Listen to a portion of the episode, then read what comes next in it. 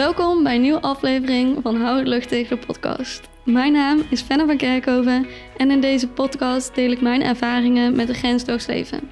In deze podcast leer je alles over grensloze mindset en leer je denken in mogelijkheden. Niet ondanks, maar dankzij mijn beperkingen heb ik al zoveel bereikt. We gaan de grens ontdekken van wat jij wilt, wat jouw lichaam kan en hoe jij wilt leven. Alles met één doel: grensloos leven. Vind je deze aflevering interessant? Laat het dan vooral weten door te delen op social media en vergeet mij niet te taggen. Welkom bij een nieuwe podcast. En ik heb vandaag uh, iemand gast, namelijk Nathalie. Welkom, Nathalie. Dankjewel. Uh, Nathalie is blogger, freelancer en heeft fibromyalgie. Um, door het interviewen van ondernemers met uh, grenzen, lichamelijke grenzen of mentale grenzen, wil ik middels deze podcast podcast laten zien wat er allemaal mogelijk is. Uh, met het doel om te inspireren, om mensen mogelijkheden te laten zien, om grensloos leven te leiden.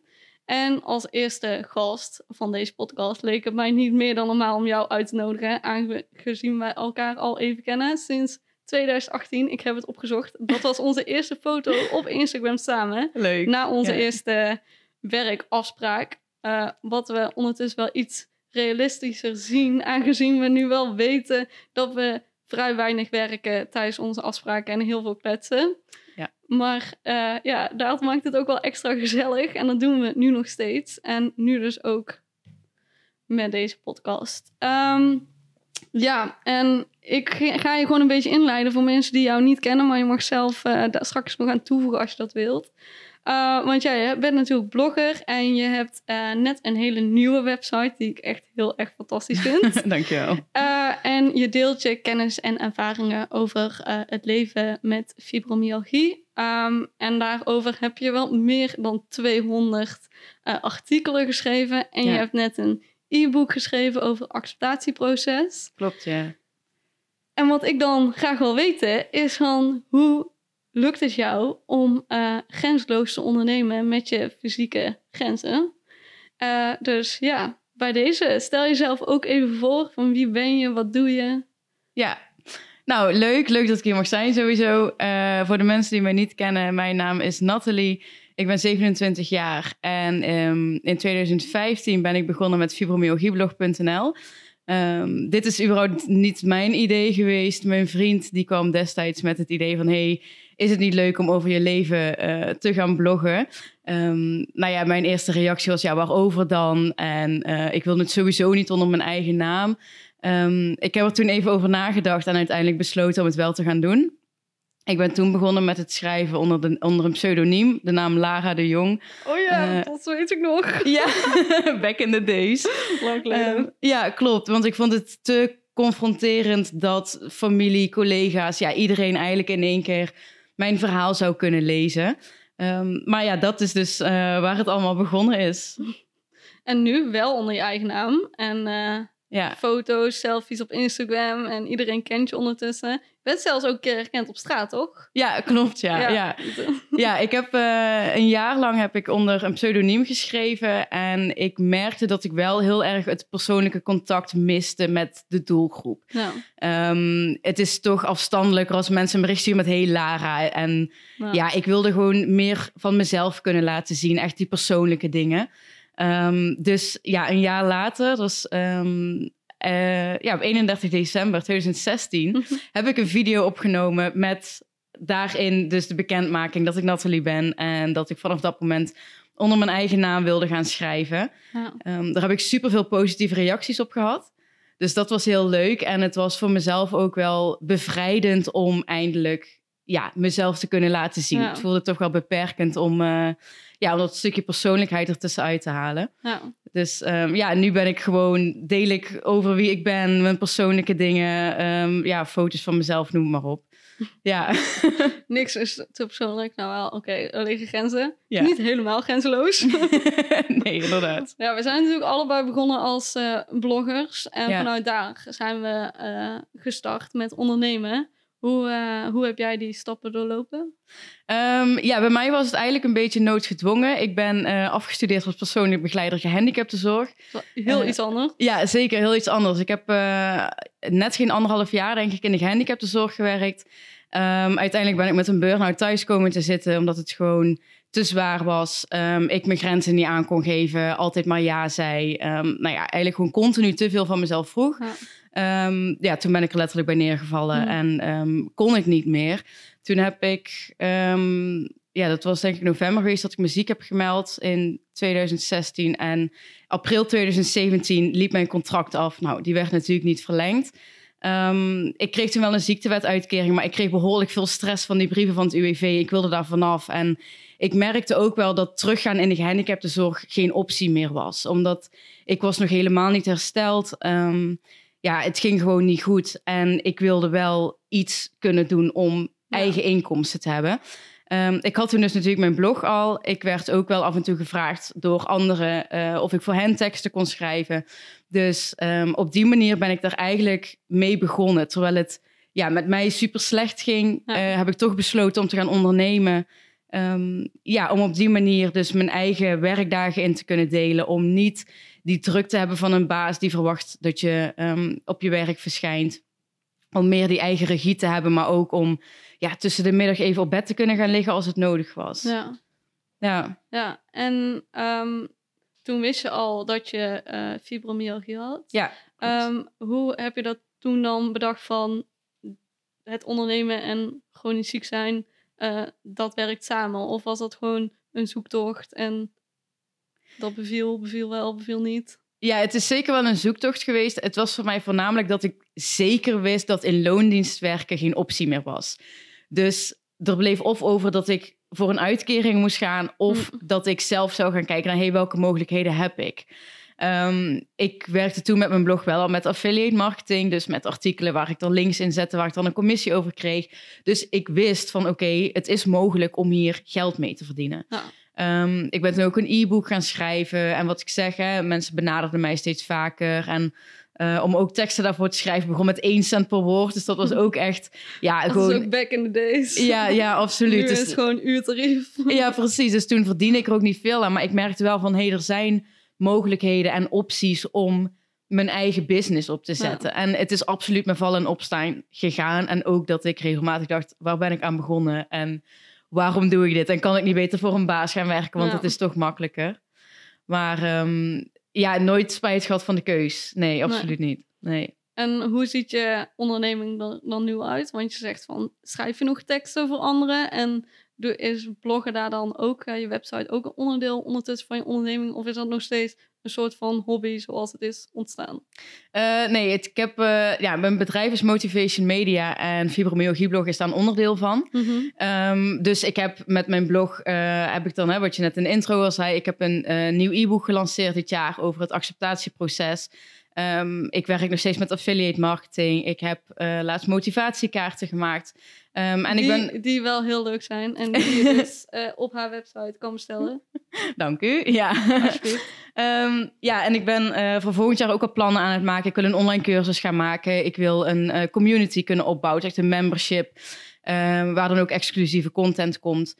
Dus ik ben mijn blog wel echt aan het uitbreiden. En ja. daarnaast werk ik dus inderdaad ook al voor klanten.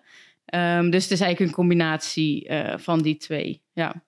En hoe zorg je dan dat dat een beetje in balans blijft? Want kijk, het is super grappig tussen ons, vind ik altijd. Wij hebben uh, op zoveel dingen hetzelfde. Want ik heb natuurlijk ook mijn blog en ook mijn uh, opdrachtgevers uh, ja. naar mijn studio luchtig natuurlijk. En natuurlijk mijn blog houdluchtig. We zijn allebei actief op Instagram. We hebben allebei een beetje van dezelfde leeftijd.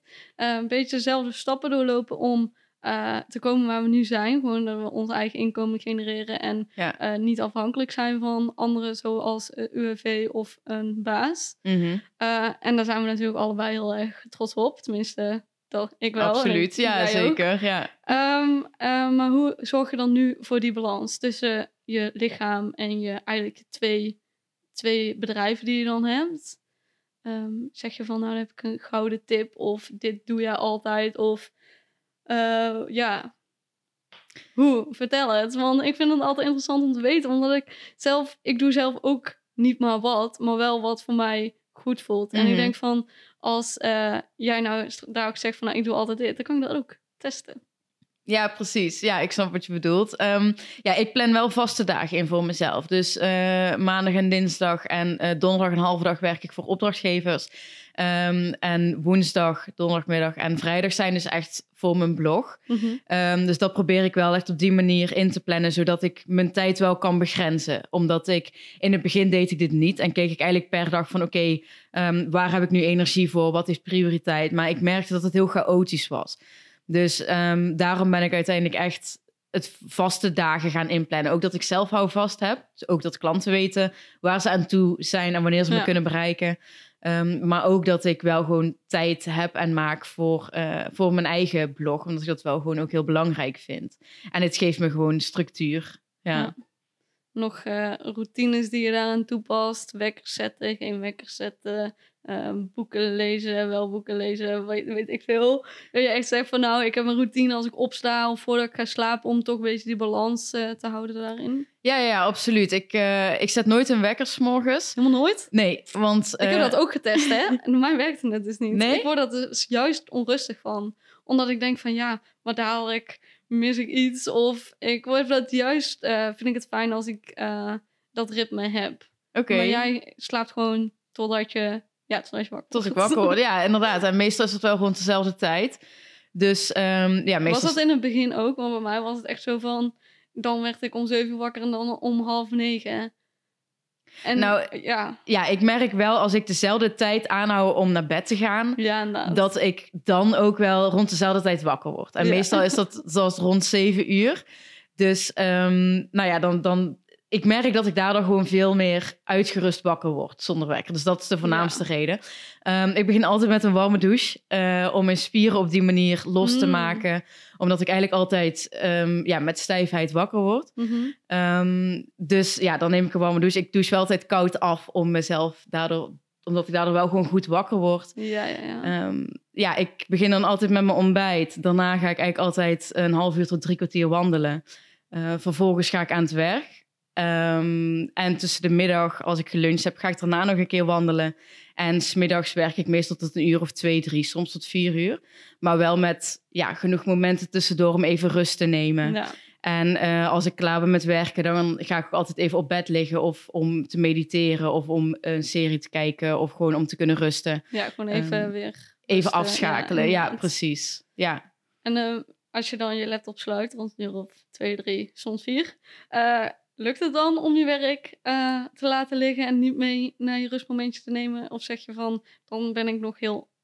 Dan staat alles nog aan en dan lijkt het of ik nog van alles moet. Um, ja, dat wisselt. Eén, soms heb ik wel momenten dat ik best wel een vol hoofd heb en nog het idee heb dat ik nog dingen moet. Mhm. Mm -hmm. Zoals soms dan ja, sluit ik ook aan mijn laptop met een tevreden gevoel dat ik denk, nou, ik heb alles gedaan. Um, ik probeer daarin ook wel een, een balans te vinden. Want ik merk ooit dat ik enerzijds denk van oké, okay, ik moet nu mijn rust nemen. Ja. Um, maar als ik weet dat er nog bepaalde dingen openstaan, kan ik mezelf soms beter nog even pushen om dat wel af ja, te ronden. Ja. Uh, dan dat ik toch ga liggen, want ik weet dat ik dan niet rustig lig. Nee, Dus dat, dat heb ik ook. Ja, klopt. Want dan denk ik van ja, dan kan ik nu wel rust nemen, maar dan is dat geen rust. Dus ik kan er net een half uurtje, uurtje langer doorgaan en dat ik dan echt rust ervaar. precies. Bijvoorbeeld ook met het weekend. Dan denk ik, ja, ik kan het wel laten liggen tot maandag. Maar dan loop ik er nog twee dagen Ja. mee. Exact. Als ik het dan of eh, vrijdag doe of zaterdag gewoon nog een uurtje voor neem, dan is het voor mij veel rustiger op mijn rustmomenten Mhm. dan dat ik mezelf dwing om rust te nemen. Precies dat. Maar dat is Ja. natuurlijk best wel een ding, want ik krijg eh, via Instagram dan ook vaak de vraag van ja, maar hoe neem jij dan rust? En eh, ondernemen, dat sta je toch altijd aan? Maar dat hoeft dus helemaal niet. Nee, ik denk dat het wel veel te maken heeft met ehm, dat je jezelf ook wel die rust gunt. Want tuurlijk, als ik erover nadenk, dan kan ik ook continu met ideeën in mijn hoofd zitten en dingen die ik wil en hoe ik het voor me geef. Maar ik denk dat het ook ooit belangrijk is om tegen jezelf te zeggen: hé, hey, morgen weer een dag. Ja. Of dat ik ooit bepaalde dingen op papier zet en dat ik denk: oké, dit is het. Ehm, want je maakt jezelf ook helemaal gek. Ik bedoel, ik kan wel de hele dag door bezig zijn met alles wat ik wil en wat er nog moet gebeuren. Maar ja, op een gegeven moment is het ook gewoon tijd om rust te nemen. En tuurlijk, ik heb ook wel eens momenten dat ik s'avonds in één keer een moment heb van... hé, hey, hier wil ik iets over schrijven. En dan heb ik zoveel inspiratie. Ja, dan zet ik het op papier. Omdat het Ja. zonde is van dat moment, vind ik, om het dan links te laten liggen. Dus als echt die inspiratie opkomt, dan werk ik het wel uit, maar wel de basis. Je kan En dan- het zeggen, werk je het dan uit of Nee, als het dan? ja, als het dan een artikel is, dan zet ik het bijvoorbeeld in een Word-documentje. Ja. Ehm, zodat ik het die dag daarna daadwerkelijk op de website kan zetten, opgemaakt en wel. Ehm, Ja. Maar de, de, de grove lijnen, die zet ik dan op papier. Maar Ja. De, ja, de uitwerking, die doe ik dan wel later. Ja. Ja, nou, ja ik, eh, wat ik dan laatste tijd wel vaker doe, is voor mezelf een voice memo inspreken. Oh ja. Ik denk van, oh, dan heb ik het in ieder geval uit mijn hoofd. eh, want dan kan ik het op een later moment wel weer heel makkelijk oppakken. Ja, precies. Ja. Ja. dat is ook wel een goed idee. Dank je. Ja. En ehm, eh, hoe, ja, je hebt dan een beetje uitgelegd qua hoe een werkdag voor jou er dan uitziet. Hoeveel uur werk jij per dag per week? Wat is jouw, eh, ja, waarbij voel je dan nog steeds prettig? Eh, ik werk vier à vijf uur per dag. Ja, Ja. zoiets. Ehm, ik merk ook wel dat ik... Ja, ik kan soms wel langer werken. Maar ja, Ja. dan denk ik... Hè, als ik dan s'avonds volledig uitgeblust ben en helemaal vermoeid... denk ik, ja, dan heb ik ook niks Ja. meer aan mijn dag. Dus ik Nee, probeer er wel die balans in te vinden... dat ik wel gewoon de uren kan maken waar ik me goed bij voel. En dat ik Ja. wel het idee heb van... oké, ik heb een goede dag, een productieve dag gehad. Maar dat ik dan wel s'avonds nog wat energie over heb. Dat Voor ik- sociale dingen. ja, precies. Of om überhaupt een maaltijd op tafel te zetten. Ja. Of, ja. Of praktische dingen inderdaad. Ja, ja. Want hoe doe jij dat dan? eh, sociaal of huishouden, dat soort dingen. Dat komt er dan natuurlijk allemaal nog bij. Mhm. Eh, hoe eh, plan jij dat in? Of kijk je gewoon wanneer jij tijd hebt om dat soort dingen na het ondernemen, natuurlijk na het werk. Dus dat is nog een heel leven. Eh, maar je hebt natuurlijk ook je fysieke grenzen. Hoe plan je dat dan? Plan je dat überhaupt? Ja, ik doe eh, huishoudelijke dingen doe ik vaak wel in het weekend. Zoals het poetswerk en zo en de was. En omdat ik het niet kan hebben als dat op doordeweekse dagen mentaal ruimte inneemt in mijn hoofd. Ja. Dus die wil ik in het weekend gewoon weggewerkt hebben. Ja. Ehm, sociale contact, contacten, daar plan ik vaak wel door de week echt voor vrij. Mhm. Ik merk dat ik mijn avonden heb ik graag voor mezelf. Ik bel bijvoorbeeld wel ooit met een vriendin nog in de avond, maar echt fysiek contact ehm, ja, trek ik vaak niet. Omdat ik Nee. s'avonds, ja, dan heb ik gewoon behoefte aan tijd voor mezelf. Ehm, gewoon lekker op de bank te zitten met mijn vriend of om nog even Ja. een spelletje te spelen. Maar ja, sociaal contact, daar hou ik dan wel vaak ruimte voor door de week. Dat ik gewoon de middag vrij hou en dat ik Ja. dan naar een vriendin ga. Of dat ik in het weekend een dagje plan. Maar dat is natuurlijk een van de voordelen van ondernemen. Dat je de Ja, mogelijkheid absoluut. hebt om door de week eh, ruimte te plannen voor Ja. ook leuke dingen. Eh, hoe maak jij daar dan gebruik van? Om van die vrijheid? Nou, ik, ik of merk... misbruik soms? Ja. nou, ik merk wel ooit dat een, eh, bijvoorbeeld als een vriendinnetje een appje stuurt eh, rond twee uur, heb je tijd voor koffie vanmiddag? Ja. Dat ik wel denk, nou, ik kan wel het een en ander schuiven. Ik heb er eigenlijk nu wel zin in. Ja, Nou, dan zeg ik, ja, is goed, ik ben er over een half uur. Of als ik nog dingen moet doen, dan laat ik weten van, nou, ik rond hier nog het een en ander af. En dan ben ik over een uurtje bij je. ja. Ehm, en ja, ik heb ook wel eens dat een, een vriendin van mij die parttime werkt, dat ze mij door de week overdag belt om even de video te bellen. Mhm. Ja, dan denk ik ooit wel, ook ik vind het nou eigenlijk wel gezellig, dan neem ik gewoon op. Weet je wel, dus dan heb ik wel zoiets van, nou ja, ik heb die luxe om dat te doen. Eh, dus dan ja, vind ik ook wel dat ik er ooit gewoon wel gebruik van mag maken. Maar het is hetzelfde als dat ik ooit wakker word en merk van, oké, dit is totaal niet mijn dag. ja. Dat ik ook zeg, ik werk vandaag niet. Want, Maar dat is wel heel Ja. knap. Heb je dan niet het gevoel dat je iets moet? oh zeker wel. Hoe doe je dat dan toch niet? Ehm, hoe neem je dan, hoe zorg je ervoor dat je dan toch wakker wordt en denkt, dit is niet mijn dag? Want ik kan ook wel van die momenten bedenken dat je echt wakker wordt en denkt van, vandaag wordt het niet. mhm. Eh, dat heb ik ook. En dan eh, lukt het mij steeds beter om daaraan toe te geven. ja. Maar aan- mijn laptop staart me dan wel een soort van aan. dus hoe Ja. zorg je dan dat je wel die tijd neemt voor jezelf? Nou, ik probeer mezelf heel vaak ehm, duidelijk te maken van wat levert het me op als ik nu deze dag helemaal vrij hou voor mezelf. Mhm. En wat kost het me als ik toch mezelf nu ga forceren om dingen te moeten doen? Ja. 9 van de 10 keer komt het er dan op neer dat ik echt wel beter mijn rust kan nemen. Want Mhm. ik weet dat als ik één dag rust neem, dat het meestal die dag daarna goed gaat. Dat het Ja. dan wel weer gezakt is, dat ik me beter voel. Ja. Ehm, dus wetende dat dat de realiteit is, helpt me wel om op die dag gewoon te zeggen, ik doe niks. Maar tegelijkertijd levert me maar vaak ook wel weer content op. Bijvoorbeeld voor Instagram in mijn stories. Want ik laat wel altijd zien van... ik heb vandaag een rotdag of het gaat gewoon niet goed. Ja. Ehm, ik vind het gewoon heel belangrijk om, om een realistisch beeld te laten zien. Dus Ja. niet alleen van, oh kijk mij, ik kan supergoed met mijn klachten omgaan en het gaat altijd top. Want dat is gewoon niet waar. Ja, is niet de realiteit. Nee, dus dan laat ik op zo'n moment ook zien van... hé, hey, ik voel me vandaag gewoon niet goed. Ik neem mijn rust. Ehm, Vaak hang ik er nog wat tips aan vast van wat mij helpt op zo'n dag. Wat mij dan helpt om mijn rust te nemen. Wat ik doe om te kunnen ontspannen.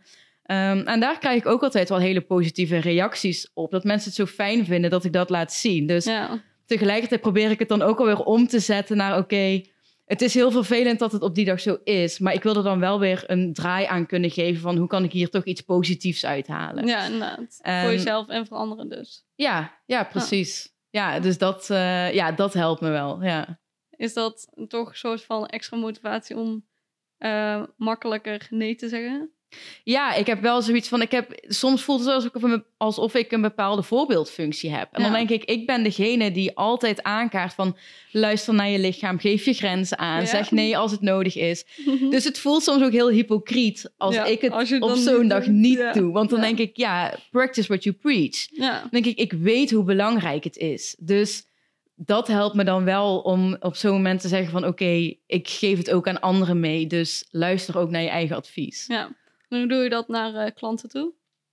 Ehm, klanten weten mijn situatie. Ze weten dat ik fibromyalgie heb. Dat, Mhm. ik, eh, ja, dat ik sneller vermoeid ben. Eh, daar communiceer ik heel open over. Ik heb ook zoiets van, nou ja, voordat je met mij in zee gaat... wil ik wel dat je dit weet. Ja. Ehm, dus ik bereid ze er in die zin wel op voor. Ehm, nou ja, ze zijn er eigenlijk altijd heel begripvol voor. Ja. Ze zijn altijd Dus- wel van... Al jouw klanten weten voordat ze met jou gaan samenwerken al dat jij een part aanwerkt en fib- fibromyalgie hebt. Ja, klopt. Ehm, ja, ik, ik doe dat dus bewust niet. nee? Nee, ik zeg dat niet van tevoren. Want? Ik merk wel dat heel veel van mijn eh, opdrachtgevers eh, toch wel eh, mij vinden via Hou Luchtig Instagram, via mijn website. Dus dan tijdens een kennismakingsgesprek wel al aangeven van... hey, ik heb je al even zitten googlen. Eh, dus dan weten ze het inderdaad al wel. Maar het is niet wat ik meteen ter sprake breng... omdat ik eh, zo goed mijn uren inplan... dat eigenlijk niemand eh, last van zou moeten hebben. Ja, ja, dat scheelt. Ja, bij mij kan het nogal wisselend zijn. ja, ik kan, jou is dat grilliger. Ja, ik kan gewoon prima goede dagen hebben, maar dan in één keer 's morgens wakker worden en merken dat heel mijn Ja. lijf zeer doet. Of dat het gewoon dat ik eh, enorme hoofdpijn heb. Ehm, dus ik vind het wel gewoon heel eerlijk ook naar mijn klanten toe om ze daarvan op de hoogte te stellen. Want ik zou het vervelend vinden als ik regelmatig moet laten weten dat ik niet voor ze kan werken. Ja. En dat zij daardoor een verkeerd beeld van mij krijgen. Ja. Dus ehm, ja, ik heb zoiets van, ik ben daar gewoon altijd heel transparant over. Het Ja. scheelt ook dat heel veel mensen bij mij uitkomen via mijn blog. Ja, dus, inderdaad. Dat is ja. bij mij precies hetzelfde. Ze Ja. weten al met wie ze in zee gaan. Precies, soort, ja. soort van. Ja, Eh, ja, bij mij is het dan vaak dat ik eh, al eerst een soort van lichamelijke signalen ontdek. Ja. Voordat ik echt oud ga, zou ik maar zeggen. ja, precies. En bij jou kan dat dan opstaan of heel snel Ja. opkomen. Ja. Dat, eh, ja, dat is inderdaad eh, knap dat je dan wel transparant bent naar je opdrachtgevers daarin. Ja. ja, het voelt wel gewoon eerlijk om het op die manier te doen. Ja. Dus naar opdrachtgevers ben je dus altijd wel gewoon heel eh, transparant en eerlijk. Ja. En naar je omgeving, hoe doe je dat? Ook naar aanleiding van je grenzen aangeven en dat je thuis werkt, dat je onderneemt. Ja, ik probeer er wel heel duidelijk in te zijn. ehm, om ook echt wel mijn eigen ruimte in te kunnen nemen om mijn werk überhaupt te kunnen doen. Ehm, Want anders eh, gaan ze jou appen met uh, Natalie, je werkt toch thuis? Ja, precies. Nou, ik merk wel dat het soms ervan uit wordt gegaan dat je altijd tijd hebt, want je werkt thuis. Ja, dat Ja. wil niet zeggen dat ik niks aan het doen ben. Weet je wel, zo voelt Nee, het soms. Dat mensen denken, oh, die heeft toch alle tijd, want ze, ze is thuis. Ja. Dan denk ik, ja, ik zit niet de hele dag spelletjes te spelen achter die laptop. Ik ben daadwerkelijk wel aan het daadwerkelijk aan het werken. Ja, precies. Maar het is... Kijk, iemand die bijvoorbeeld op locatie werkt, daarvan weet je, ja, die hoef ik niet te bellen, want die Ja, heeft sowieso geen kantoor tijd. of... Precies, maar ik denk dat het ja, ook wel is van, van, vanuit de omgeving dat je denkt, oh, ik kan het toch altijd even proberen. Misschien met die insteek. Ja, ja. Dus ik probeer daar wel gewoon eh, wel duidelijk in te zijn, om ook wel mijn, mijn eigen tijd te kunnen begrenzen. Ja. En wat zeg je dan? Dan, eh, als je het niet kan, heb je dan een antwoord van nee, ik ben aan het werk? Of ga je er dan om een beetje omheen lopen draaien van nou, kan wel, maar eigenlijk niet? Nee, ik probeer dan wel duidelijk te zijn dat ik gewoon met werk bezig ben. Dus Ja. zegt gewoon, ik ben aan het werk. Ja, Ja, ik doe dat ook. Want ik kreeg dus laatst ook de vraag van iemand van, ja, hoe doe jij dat dan? Ik zei, ja, ik ben toch gewoon aan het werk? Dus zeg gewoon dat ik aan het werk ben. ja. Ja, ik ben, mag dan wel thuis zitten, maar ik ben toch gewoon aan het werk? ja, precies. Als je op kantoor zou zitten, zou je hetzelfde doen. Ja, inderdaad. Dus- Die- die vergelijking maakte ik ook. Ja, Ik Zeg, als jij elke ochtend naar kantoor gaat, dan zeg je toch ook gewoon, ja, ik ben aan het werk. ja, Dus dan mag je ook als je je laptop opent thuis. ja Het precies. is niet gek of zo. Nee, nee, is ook. Maar heb je dat moeten leren? Ja, absoluut. Ja, toch? Ja, want ik had in het begin wel altijd zoiets dat ik dacht, oh, ehm, ja, Ja, oké, is, is goed, denk ik. Weet je, ik was heel makkelijk om dan te denken, oh, dan verzet ik mijn werk wel. ja. Maar dan denk ik, ja, anderen doen dat ook niet voor mij. nee. Snap je? Het is niet dat iemand op het werk is en ik zeg, oh, heb je tijd? En die dan aan zijn baas gaat vragen van, hey, mag ik vandaag twee uur eerder naar huis? Want een vriendinnetje wil langskomen. Dus in die zin denk ik, ja, het is...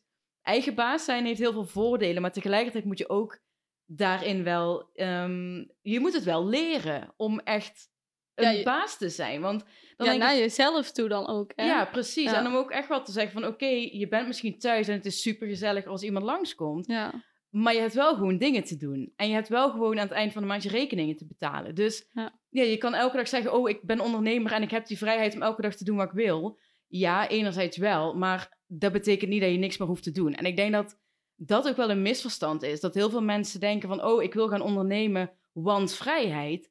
Ja. Ehm, maar het wil niet zeggen dat je, dat je nooit deadlines hebt. Of dat je nooit dingen moet doen. Of Ja. weet je wel, je hebt net zo goed je verplichtingen. Alleen kun je het iets flexibeler indelen. En Ja. natuurlijk, als jij een lange termijn plan hebt en je hebt uiteindelijk veel passief inkomsten, dan creëer je die vrijheid voor jezelf. Maar dat gaat niet vanaf dag één, is het een en al vrijheid. Ik bedoel, zo wordt het vaak wel gezegd, maar dat is gewoon niet zoals het is.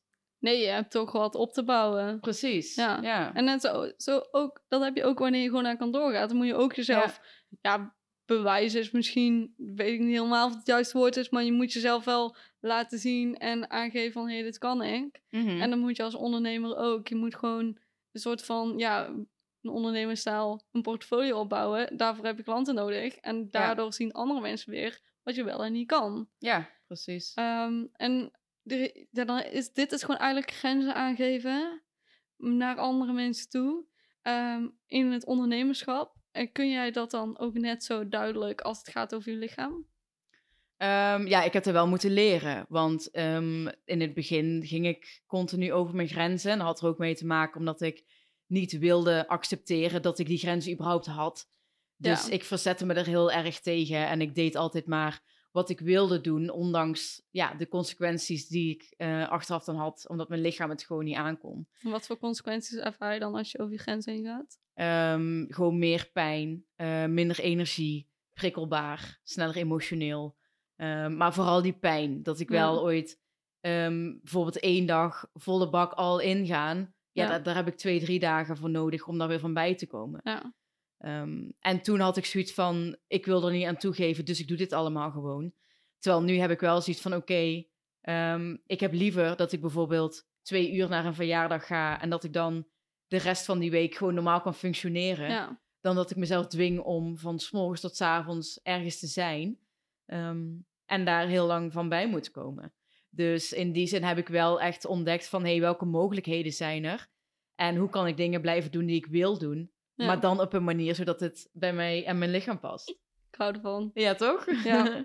Dat ja, verwoord je echt super mooi. Want ik, ik ben er serieus van overtuigd dat ook al heb je je fysieke grens en het maakt niet uit hoe, eh, in welke vorm dan ook. Als je leert omgaan met die grens, dan kun je juist gebruik maken van wat je wel kan en wat je niet kan. Als je dat juist leert. Maar ja, ik heb er ook lang over gedaan hoor. Een hele zoektocht. En ik denk nog steeds dat die zoektocht gaande is. Mm, Eh, en dat dat ook nooit echt zal ophouden, omdat je toch eh, ja, blijft ontdekken. Ja, en ook zeker. wanneer je prioriteiten veranderen, al is het bijvoorbeeld in het ondernemerschap dat eh, sommige tijden zijn daarin gewoon wat belangrijker. Dat je zegt van nou, nou ga ik even wat meer focussen op ondernemen.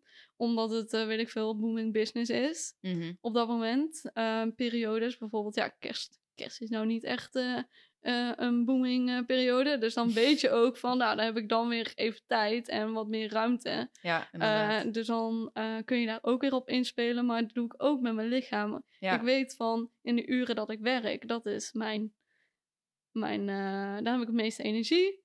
En als ik daar juist gebruik van maak, in plaats van dat ik ga denken van ja, dan heb ik energie, dan wil ik eigenlijk iets anders doen. Eh, nee, dan ga ik juist mijn energie zo insteken dat het werkt. En dat ik en kan werken en dan smiddags nog wat leuks kan doen. Ja, Want daar heb ik geen concentratie voor nodig, maar wil ik wel energie voor hebben. Ja, ik snap hem helemaal. Ja, en dat is ook wel wat ik heel erg mee probeer te geven ehm, eh, op mijn blog. Eh, Mhm. mijn one-liner is natuurlijk de hotspot voor een beter leven met fibromyalgie. En dat is ook echt wat ik mee wil geven. Dat je een, een chronische aandoening hoeft je niet te beperken als jij leert hoe je ermee om kan gaan. Ja. Ehm, ik was 15 toen bij mij de klachten begonnen. En toen had ik echt het idee dat mijn leven in elkaar stortte. En dat ik in een rolstoel zou belanden. Dat ik nooit meer iets zou kunnen. En dat ik nooit zou kunnen werken. Nooit een relatie zou kunnen vinden, noem maar op. Ik, ik zag het heel somber in. En nu heb je alles wel, hè? Even voor duidelijkheid. Precies, ik heb mijn eigen onderneming, ik heb een relatie. Ehm, ja, het gaat gewoon goed. Ik voel mezelf gewoon eh, veel beter. Ehm, dus ik wil heel graag ook meegeven van... hey, kijk eens naar wat je wel allemaal kan. En hoe kan jij ervoor zorgen dat jij lekkerder in je vel zit? Dat je Mhm. minder pijn hebt, dat je meer energie hebt. Want ik, heb, ik denk zeker dat je altijd een keuze hebt. En dat je heel veel dingen... ehm, door er anders naar te kijken, dat je die gewoon eh, beter kan maken voor jezelf. En dat je het leven daarmee echt wel lichter en leuker kan maken. Want als ik kijk naar het verschil van 12 jaar geleden en nu. Als je mij toen had verteld hoe mijn leven er nu uit zou zien, dan denk ik dat je keihard uit had gelachen. Want ik zou het niet geloven. Terwijl ik heb het wel allemaal zelf weten te creëren. Bewust door naar die mogelijkheden te gaan kijken. En Ja. om mijn mindset te veranderen. Van hé, hey, ehm, ik merkte dat ik heel erg negatief was over de hele situatie. Maar ik realiseerde me op een gegeven moment ook van... Als die situatie niet gaat veranderen, dan kan ik wel boos blijven en gefrustreerd blijven. Maar kost me alleen maar energie, Ja. geeft me alleen maar meer pijn. Klopt. Dus daardoor ben ik wel gaan leren van hoe kan ik dan op een positieve manier met die situatie omgaan. Want één ding stond vast en dat was dat die klachten niet zouden gaan veranderen. Nee. Dus de enige die kon veranderen was ik zelf en de manier hoe ik met de situatie omging. Ja. Dus ehm, ja, dat heeft me jaren geduurd. Ik bedoel, ik zeg het nu heel makkelijk, maar het is echt wel makkelijker gezegd dan gedaan. Ehm, Het is mijn vallen en opstaan en dat mag Ja, natuurlijk absoluut. ook, hè? En Ja. juist daardoor leer je ook je grenzen weer kennen. Juist Ja, omdat je het een keer fout doet en denkt van... Oké, volgende keer, dit is misschien niet zo handig. Volgende keer moet ik het anders doen. Ja, dat is. En ik heb ook echt wel heel veel geleerd van juist over mijn grenzen heen te gaan. Omdat ik, ik wist nooit waar mijn grenzen lagen. En door, door er telkens overheen te gaan, ging ik op een gegeven moment realiseren van... Oké, maar dit is telkens te veel. En Ja. toen ben ik gaan kijken van... Oké, maar wat zou dan wel haalbaar zijn? Ja. En ja, op die manier ben ik eigenlijk mijn leven gewoon gaan vormgeven. Op een manier zodat het bij mij past. En dat ik gewoon minder last heb van de klachten. Ja. Dus ja, het is allemaal heel goed uitgepakt. En dat is dus precies wat ik met mijn blog wil delen. ja. Ehm, ja, dat je gewoon veel meer uit het leven kan halen dan je misschien in eerste instantie denkt. En dat je zelf echt heel veel regie kan hebben over je leven. En ja, Ja. dat je heel veel hebt, dat je heel veel in eigen handen hebt. Ja. Zo mooi. Ik sta er helemaal achter. Ik sta er helemaal achter. Ja. En eh, ik kan me voorstellen dat je blog daar ook een handje aan eh, bij heeft gedragen. Omdat eh, je daardoor misschien je, je fysieke grenzen hebt leren accepteren door erover te Mhm. schrijven. ja. Maar dat je zelf door je blog naar een onderneming te tillen en door te gaan ondernemen en te freelancen, dat je je ook daarin om het serieuzer naar jezelf kijkt en eh, dat dat ook gewoon een mindset boost is. Ja, absoluut. Ja, en voor mij is het, het, de inschrijving bij de Kamer van Koophandel is bij mij een heel belangrijk moment geweest. Omdat ik toen wel echt dacht van, oké, deze shit is real. En dit heb ik bereikt. ja, precies. Ja. En ik verdiende toen ja, nog nauwelijks. Maar het feit dat ik me in had geschreven, dat ik een Mhm. bedrijf had, En dat je het dat- ook als bedrijf kunt gaan ervaren in plaats van als hobby. Ja, Ja. juist. En dat maakte voor mij echt heel erg een verschil. Dat ik zoiets had van, oké, er komt misschien nog niet heel veel binnen financieel gezien. Maar ik voelde me wel, ik kon mezelf wel serieuzer nemen. Ja. Doordat ik een, ja, ingeschreven was bij de Kamer van Koophandel, een erkend bedrijf ben. Ja, Mhm. dan wordt het wel allemaal net wat serieuzer. Dus dat Ja. heeft wel mij heel erg geholpen om mezelf ook echt wel serieus te nemen.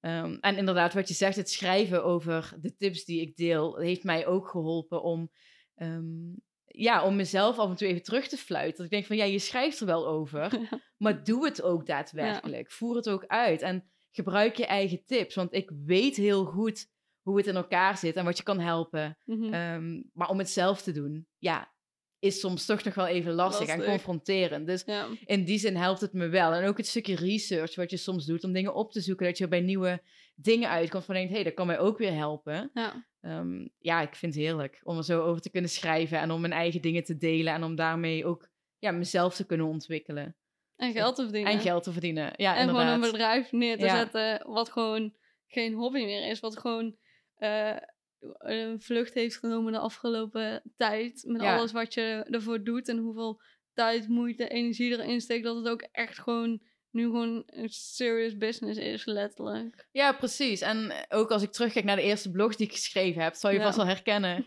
Ehm, mijn eerste blog was welkom op mijn blog. Ja, eh Ja. who cares? Maar ehm, ja, dat zijn dan van die dingen. Ik ben met, ja, met nul kennis begonnen met bloggen. Ik had Ja. geen idee hoe ik een goede blog moest schrijven. eh, waar ik gratis afbeeldingen vandaan kon halen. Ehm, ja, dus de eerste blogs die ik geschreven heb, dan denk ik ook van oké meid, ja, top dit. Ehm, maar Maar dat, jij had ook niemand om het aan te vragen. Want ik heb toen aan jou mijn bloggersvragen kunnen stellen. Want jij was al langer bezig. ja, Dus jij hebt mij laten, eh, die eerste CO-tips eh, heb jij aan mij eh, laten zien. En hoe jij content Ja. maakte. En, maar je hebt dat helemaal zelf uitgevogeld. nee, daar had ik mijn vriend wel voor. Oh, je vriend Ja, die hielp. ja, oh, ja, maar mijn- dat is ook zijn idee, toch? Ja, mijn vriend had het idee inderdaad geopperd en hij is zelf ook eh, eh, met online marketing bezig. Dus Mhm. hij had wel de nodige kennis van SEO en eh, Oh, van, van websites bouwen, want hij heeft mijn website ook opgezet. Dus nee, daar heb ik heel veel aan gehad. En nog Ja. steeds hoor, want mijn nieuwe website is ook door mijn vriend gemaakt. En hij heeft alles gekoppeld en alles geregeld. En ehm, Mhm. ja, dat is, super, dat is super fijn, want dat had ik zelf nooit, was me nooit gelukt. Nee. Ehm, en hij heeft me ook gewoon de juiste websites gegeven van... hey, lees hier eens over en ga Ja. deze artikelen eens lezen. En ehm, ja, daardoor heb ik wel mijn website kunnen professionaliseren. En eh, weet ik wel hoe ik nu artikelen moet schrijven... zodat ze ook in Google gevonden worden. Ja, ja weet je welke teksten je gebruikt... zodat ze ook lekker lezen. Welke woorden je beter wel en niet kunt gebruiken. Hoe je een titel kan optimaliseren. Het belang van afbeeldingen. Ja, noem maar op, je kent het wel. Ehm, ja, dat heb ik aldoende allemaal eh, geleerd. Met, ja, wel met behulp van mijn vriend. Ja, Ja. En met gewoon doen natuurlijk. is het gewoon nu gewoon professionele website Ja. en eh, met eh, een e-book en een online cursus onderway en Ja. van alles erop en eraan. Hoe ervaar je dat waar je dan nu staat als je dan terugkijkt van waar je eigenlijk bent begonnen en dan nu gewoon professioneel eh, aan de weg aan het timmeren bent? Ja, ehm, ja, het is mooi om daarop terug te kijken. En ik doe het denk ik niet vaak genoeg, want... ehm, nou, maak hier gebruik van dan. Ja, ja, absoluut, absoluut. Want eh, het is natuurlijk wel, nu ik het zo zeg, dan denk ik, ja, ik ben ehm, als persoonlijk begeleider gehandicaptenzorg eigenlijk hier ingestapt. Dus ik had nul kennis van het hele online wereldje, van websites, van, van blogs schrijven, van überhaupt online geld verdienen. Ja, Ehm, dus ja, ik kijk daar wel heel trots op terug. En Ja. zeker omdat ik nu kijk welke mogelijkheden ik voor mezelf heb weten te creëren. Dat ik, ehm, weet je wel, dat die, eerste, die eerste euro's die je online verdient. ja. Dan denk ik echt, wauw. Ik heb er gewoon, ik heb mijn eigen werk gewoon weten te creëren. ja en inderdaad. ja, ik vond dat toen heel bijzonder. En de bedragen worden steeds hoger en het wordt steeds ehm, natuurlijker en steeds vanzelfsprekender dat het zo is. Maar Ja. ja, dat is het niet. Want het is wel iets wat je zelf hebt opgebouwd. En ja, jij hebt dat natuurlijk ook. Je bent zelf het gezicht van je website en het draait om jou. Jij bent Ja. jouw bedrijf. Ja. En soms voelt het super kwetsbaar. Dat ik denk, holy shit, mijn hele levensverhaal staat op internet. Soms vergeet ik dat ook. Ik sta Ja. er ook niet altijd bij stil. En dan soms eh, dan krijg ik een DM in Instagram van een volger.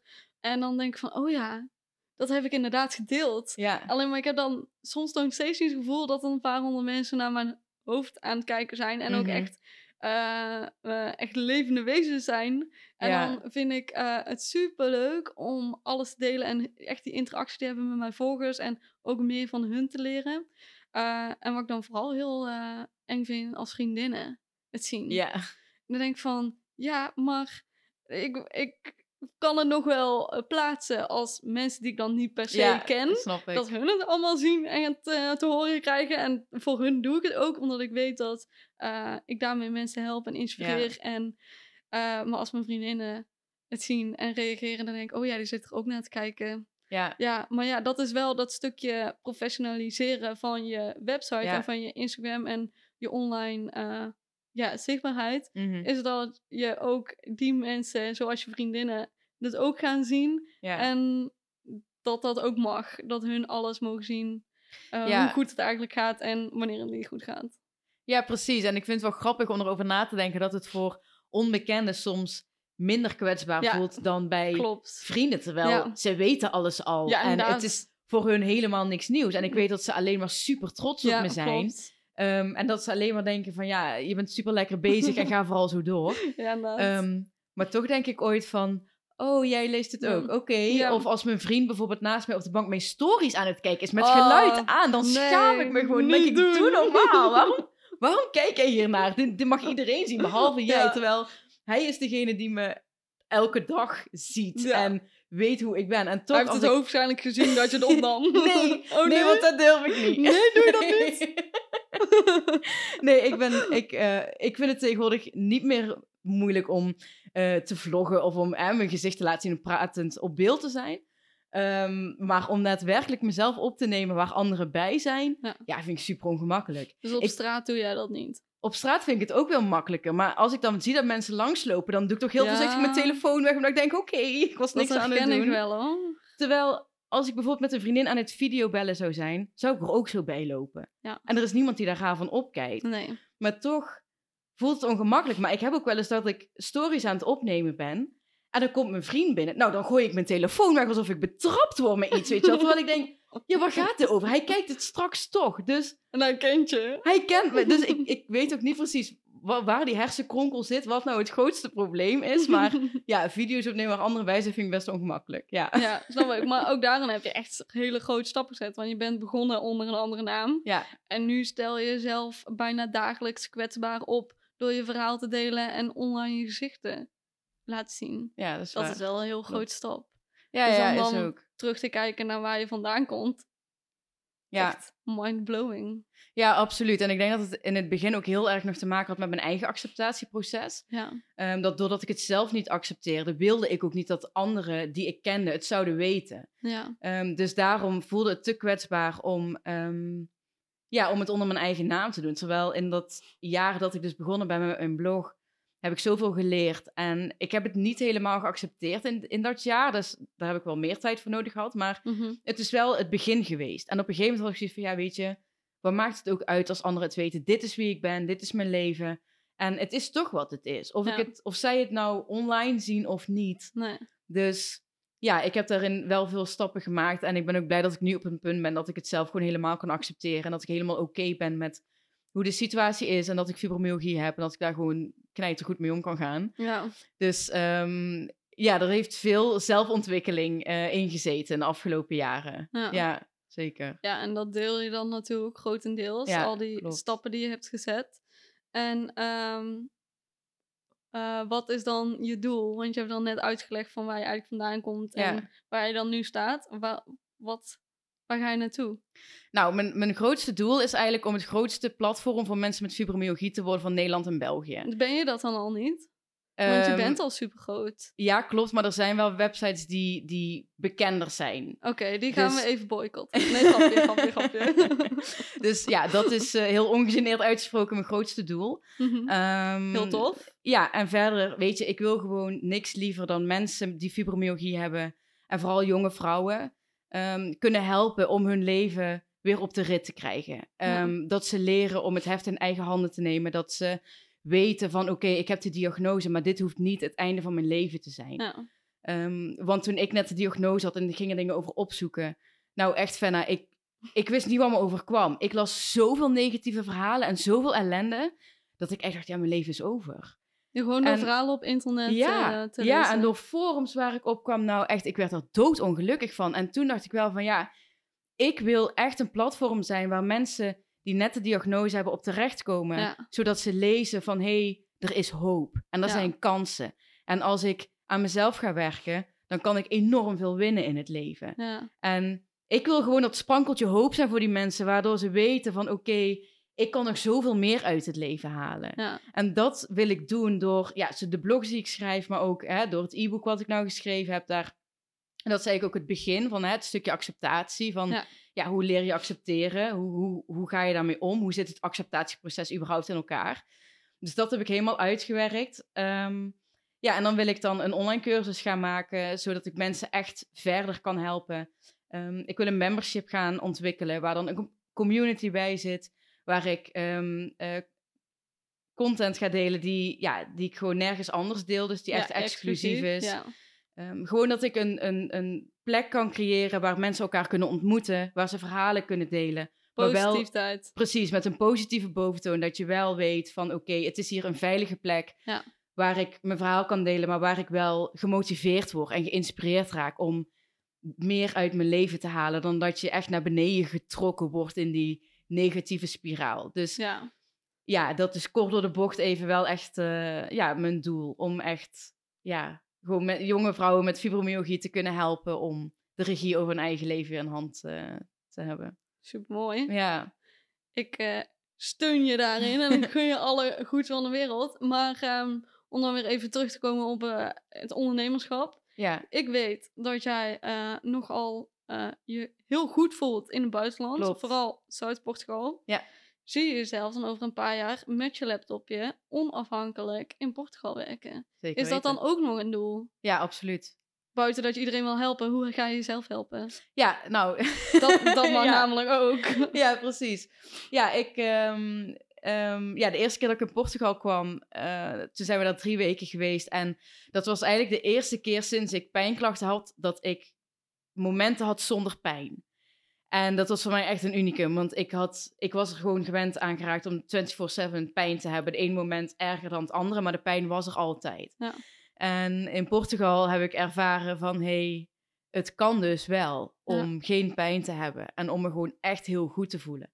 Ehm, dus nadat we er drie weken geweest zijn, mijn vriend en ik, ehm, zijn wij een paar maanden later ehm, twee maanden teruggegaan daar naartoe. Ehm, ja, toen was het helemaal geweldig. En ook daar echt werken, want de eerste drie weken waren dan wel vooral vakantie. Ja, Ehm, en daarna was het wel een combinatie van werk en gewoon het leven daar ontdekken. Van bevalt dit ons echt? Willen we dit echt? Ehm, ja, en de laatste keer zijn we een half jaar geweest. Ehm, toen zijn we door corona teruggekomen. Dus dat was, eh, dat was heel jammer.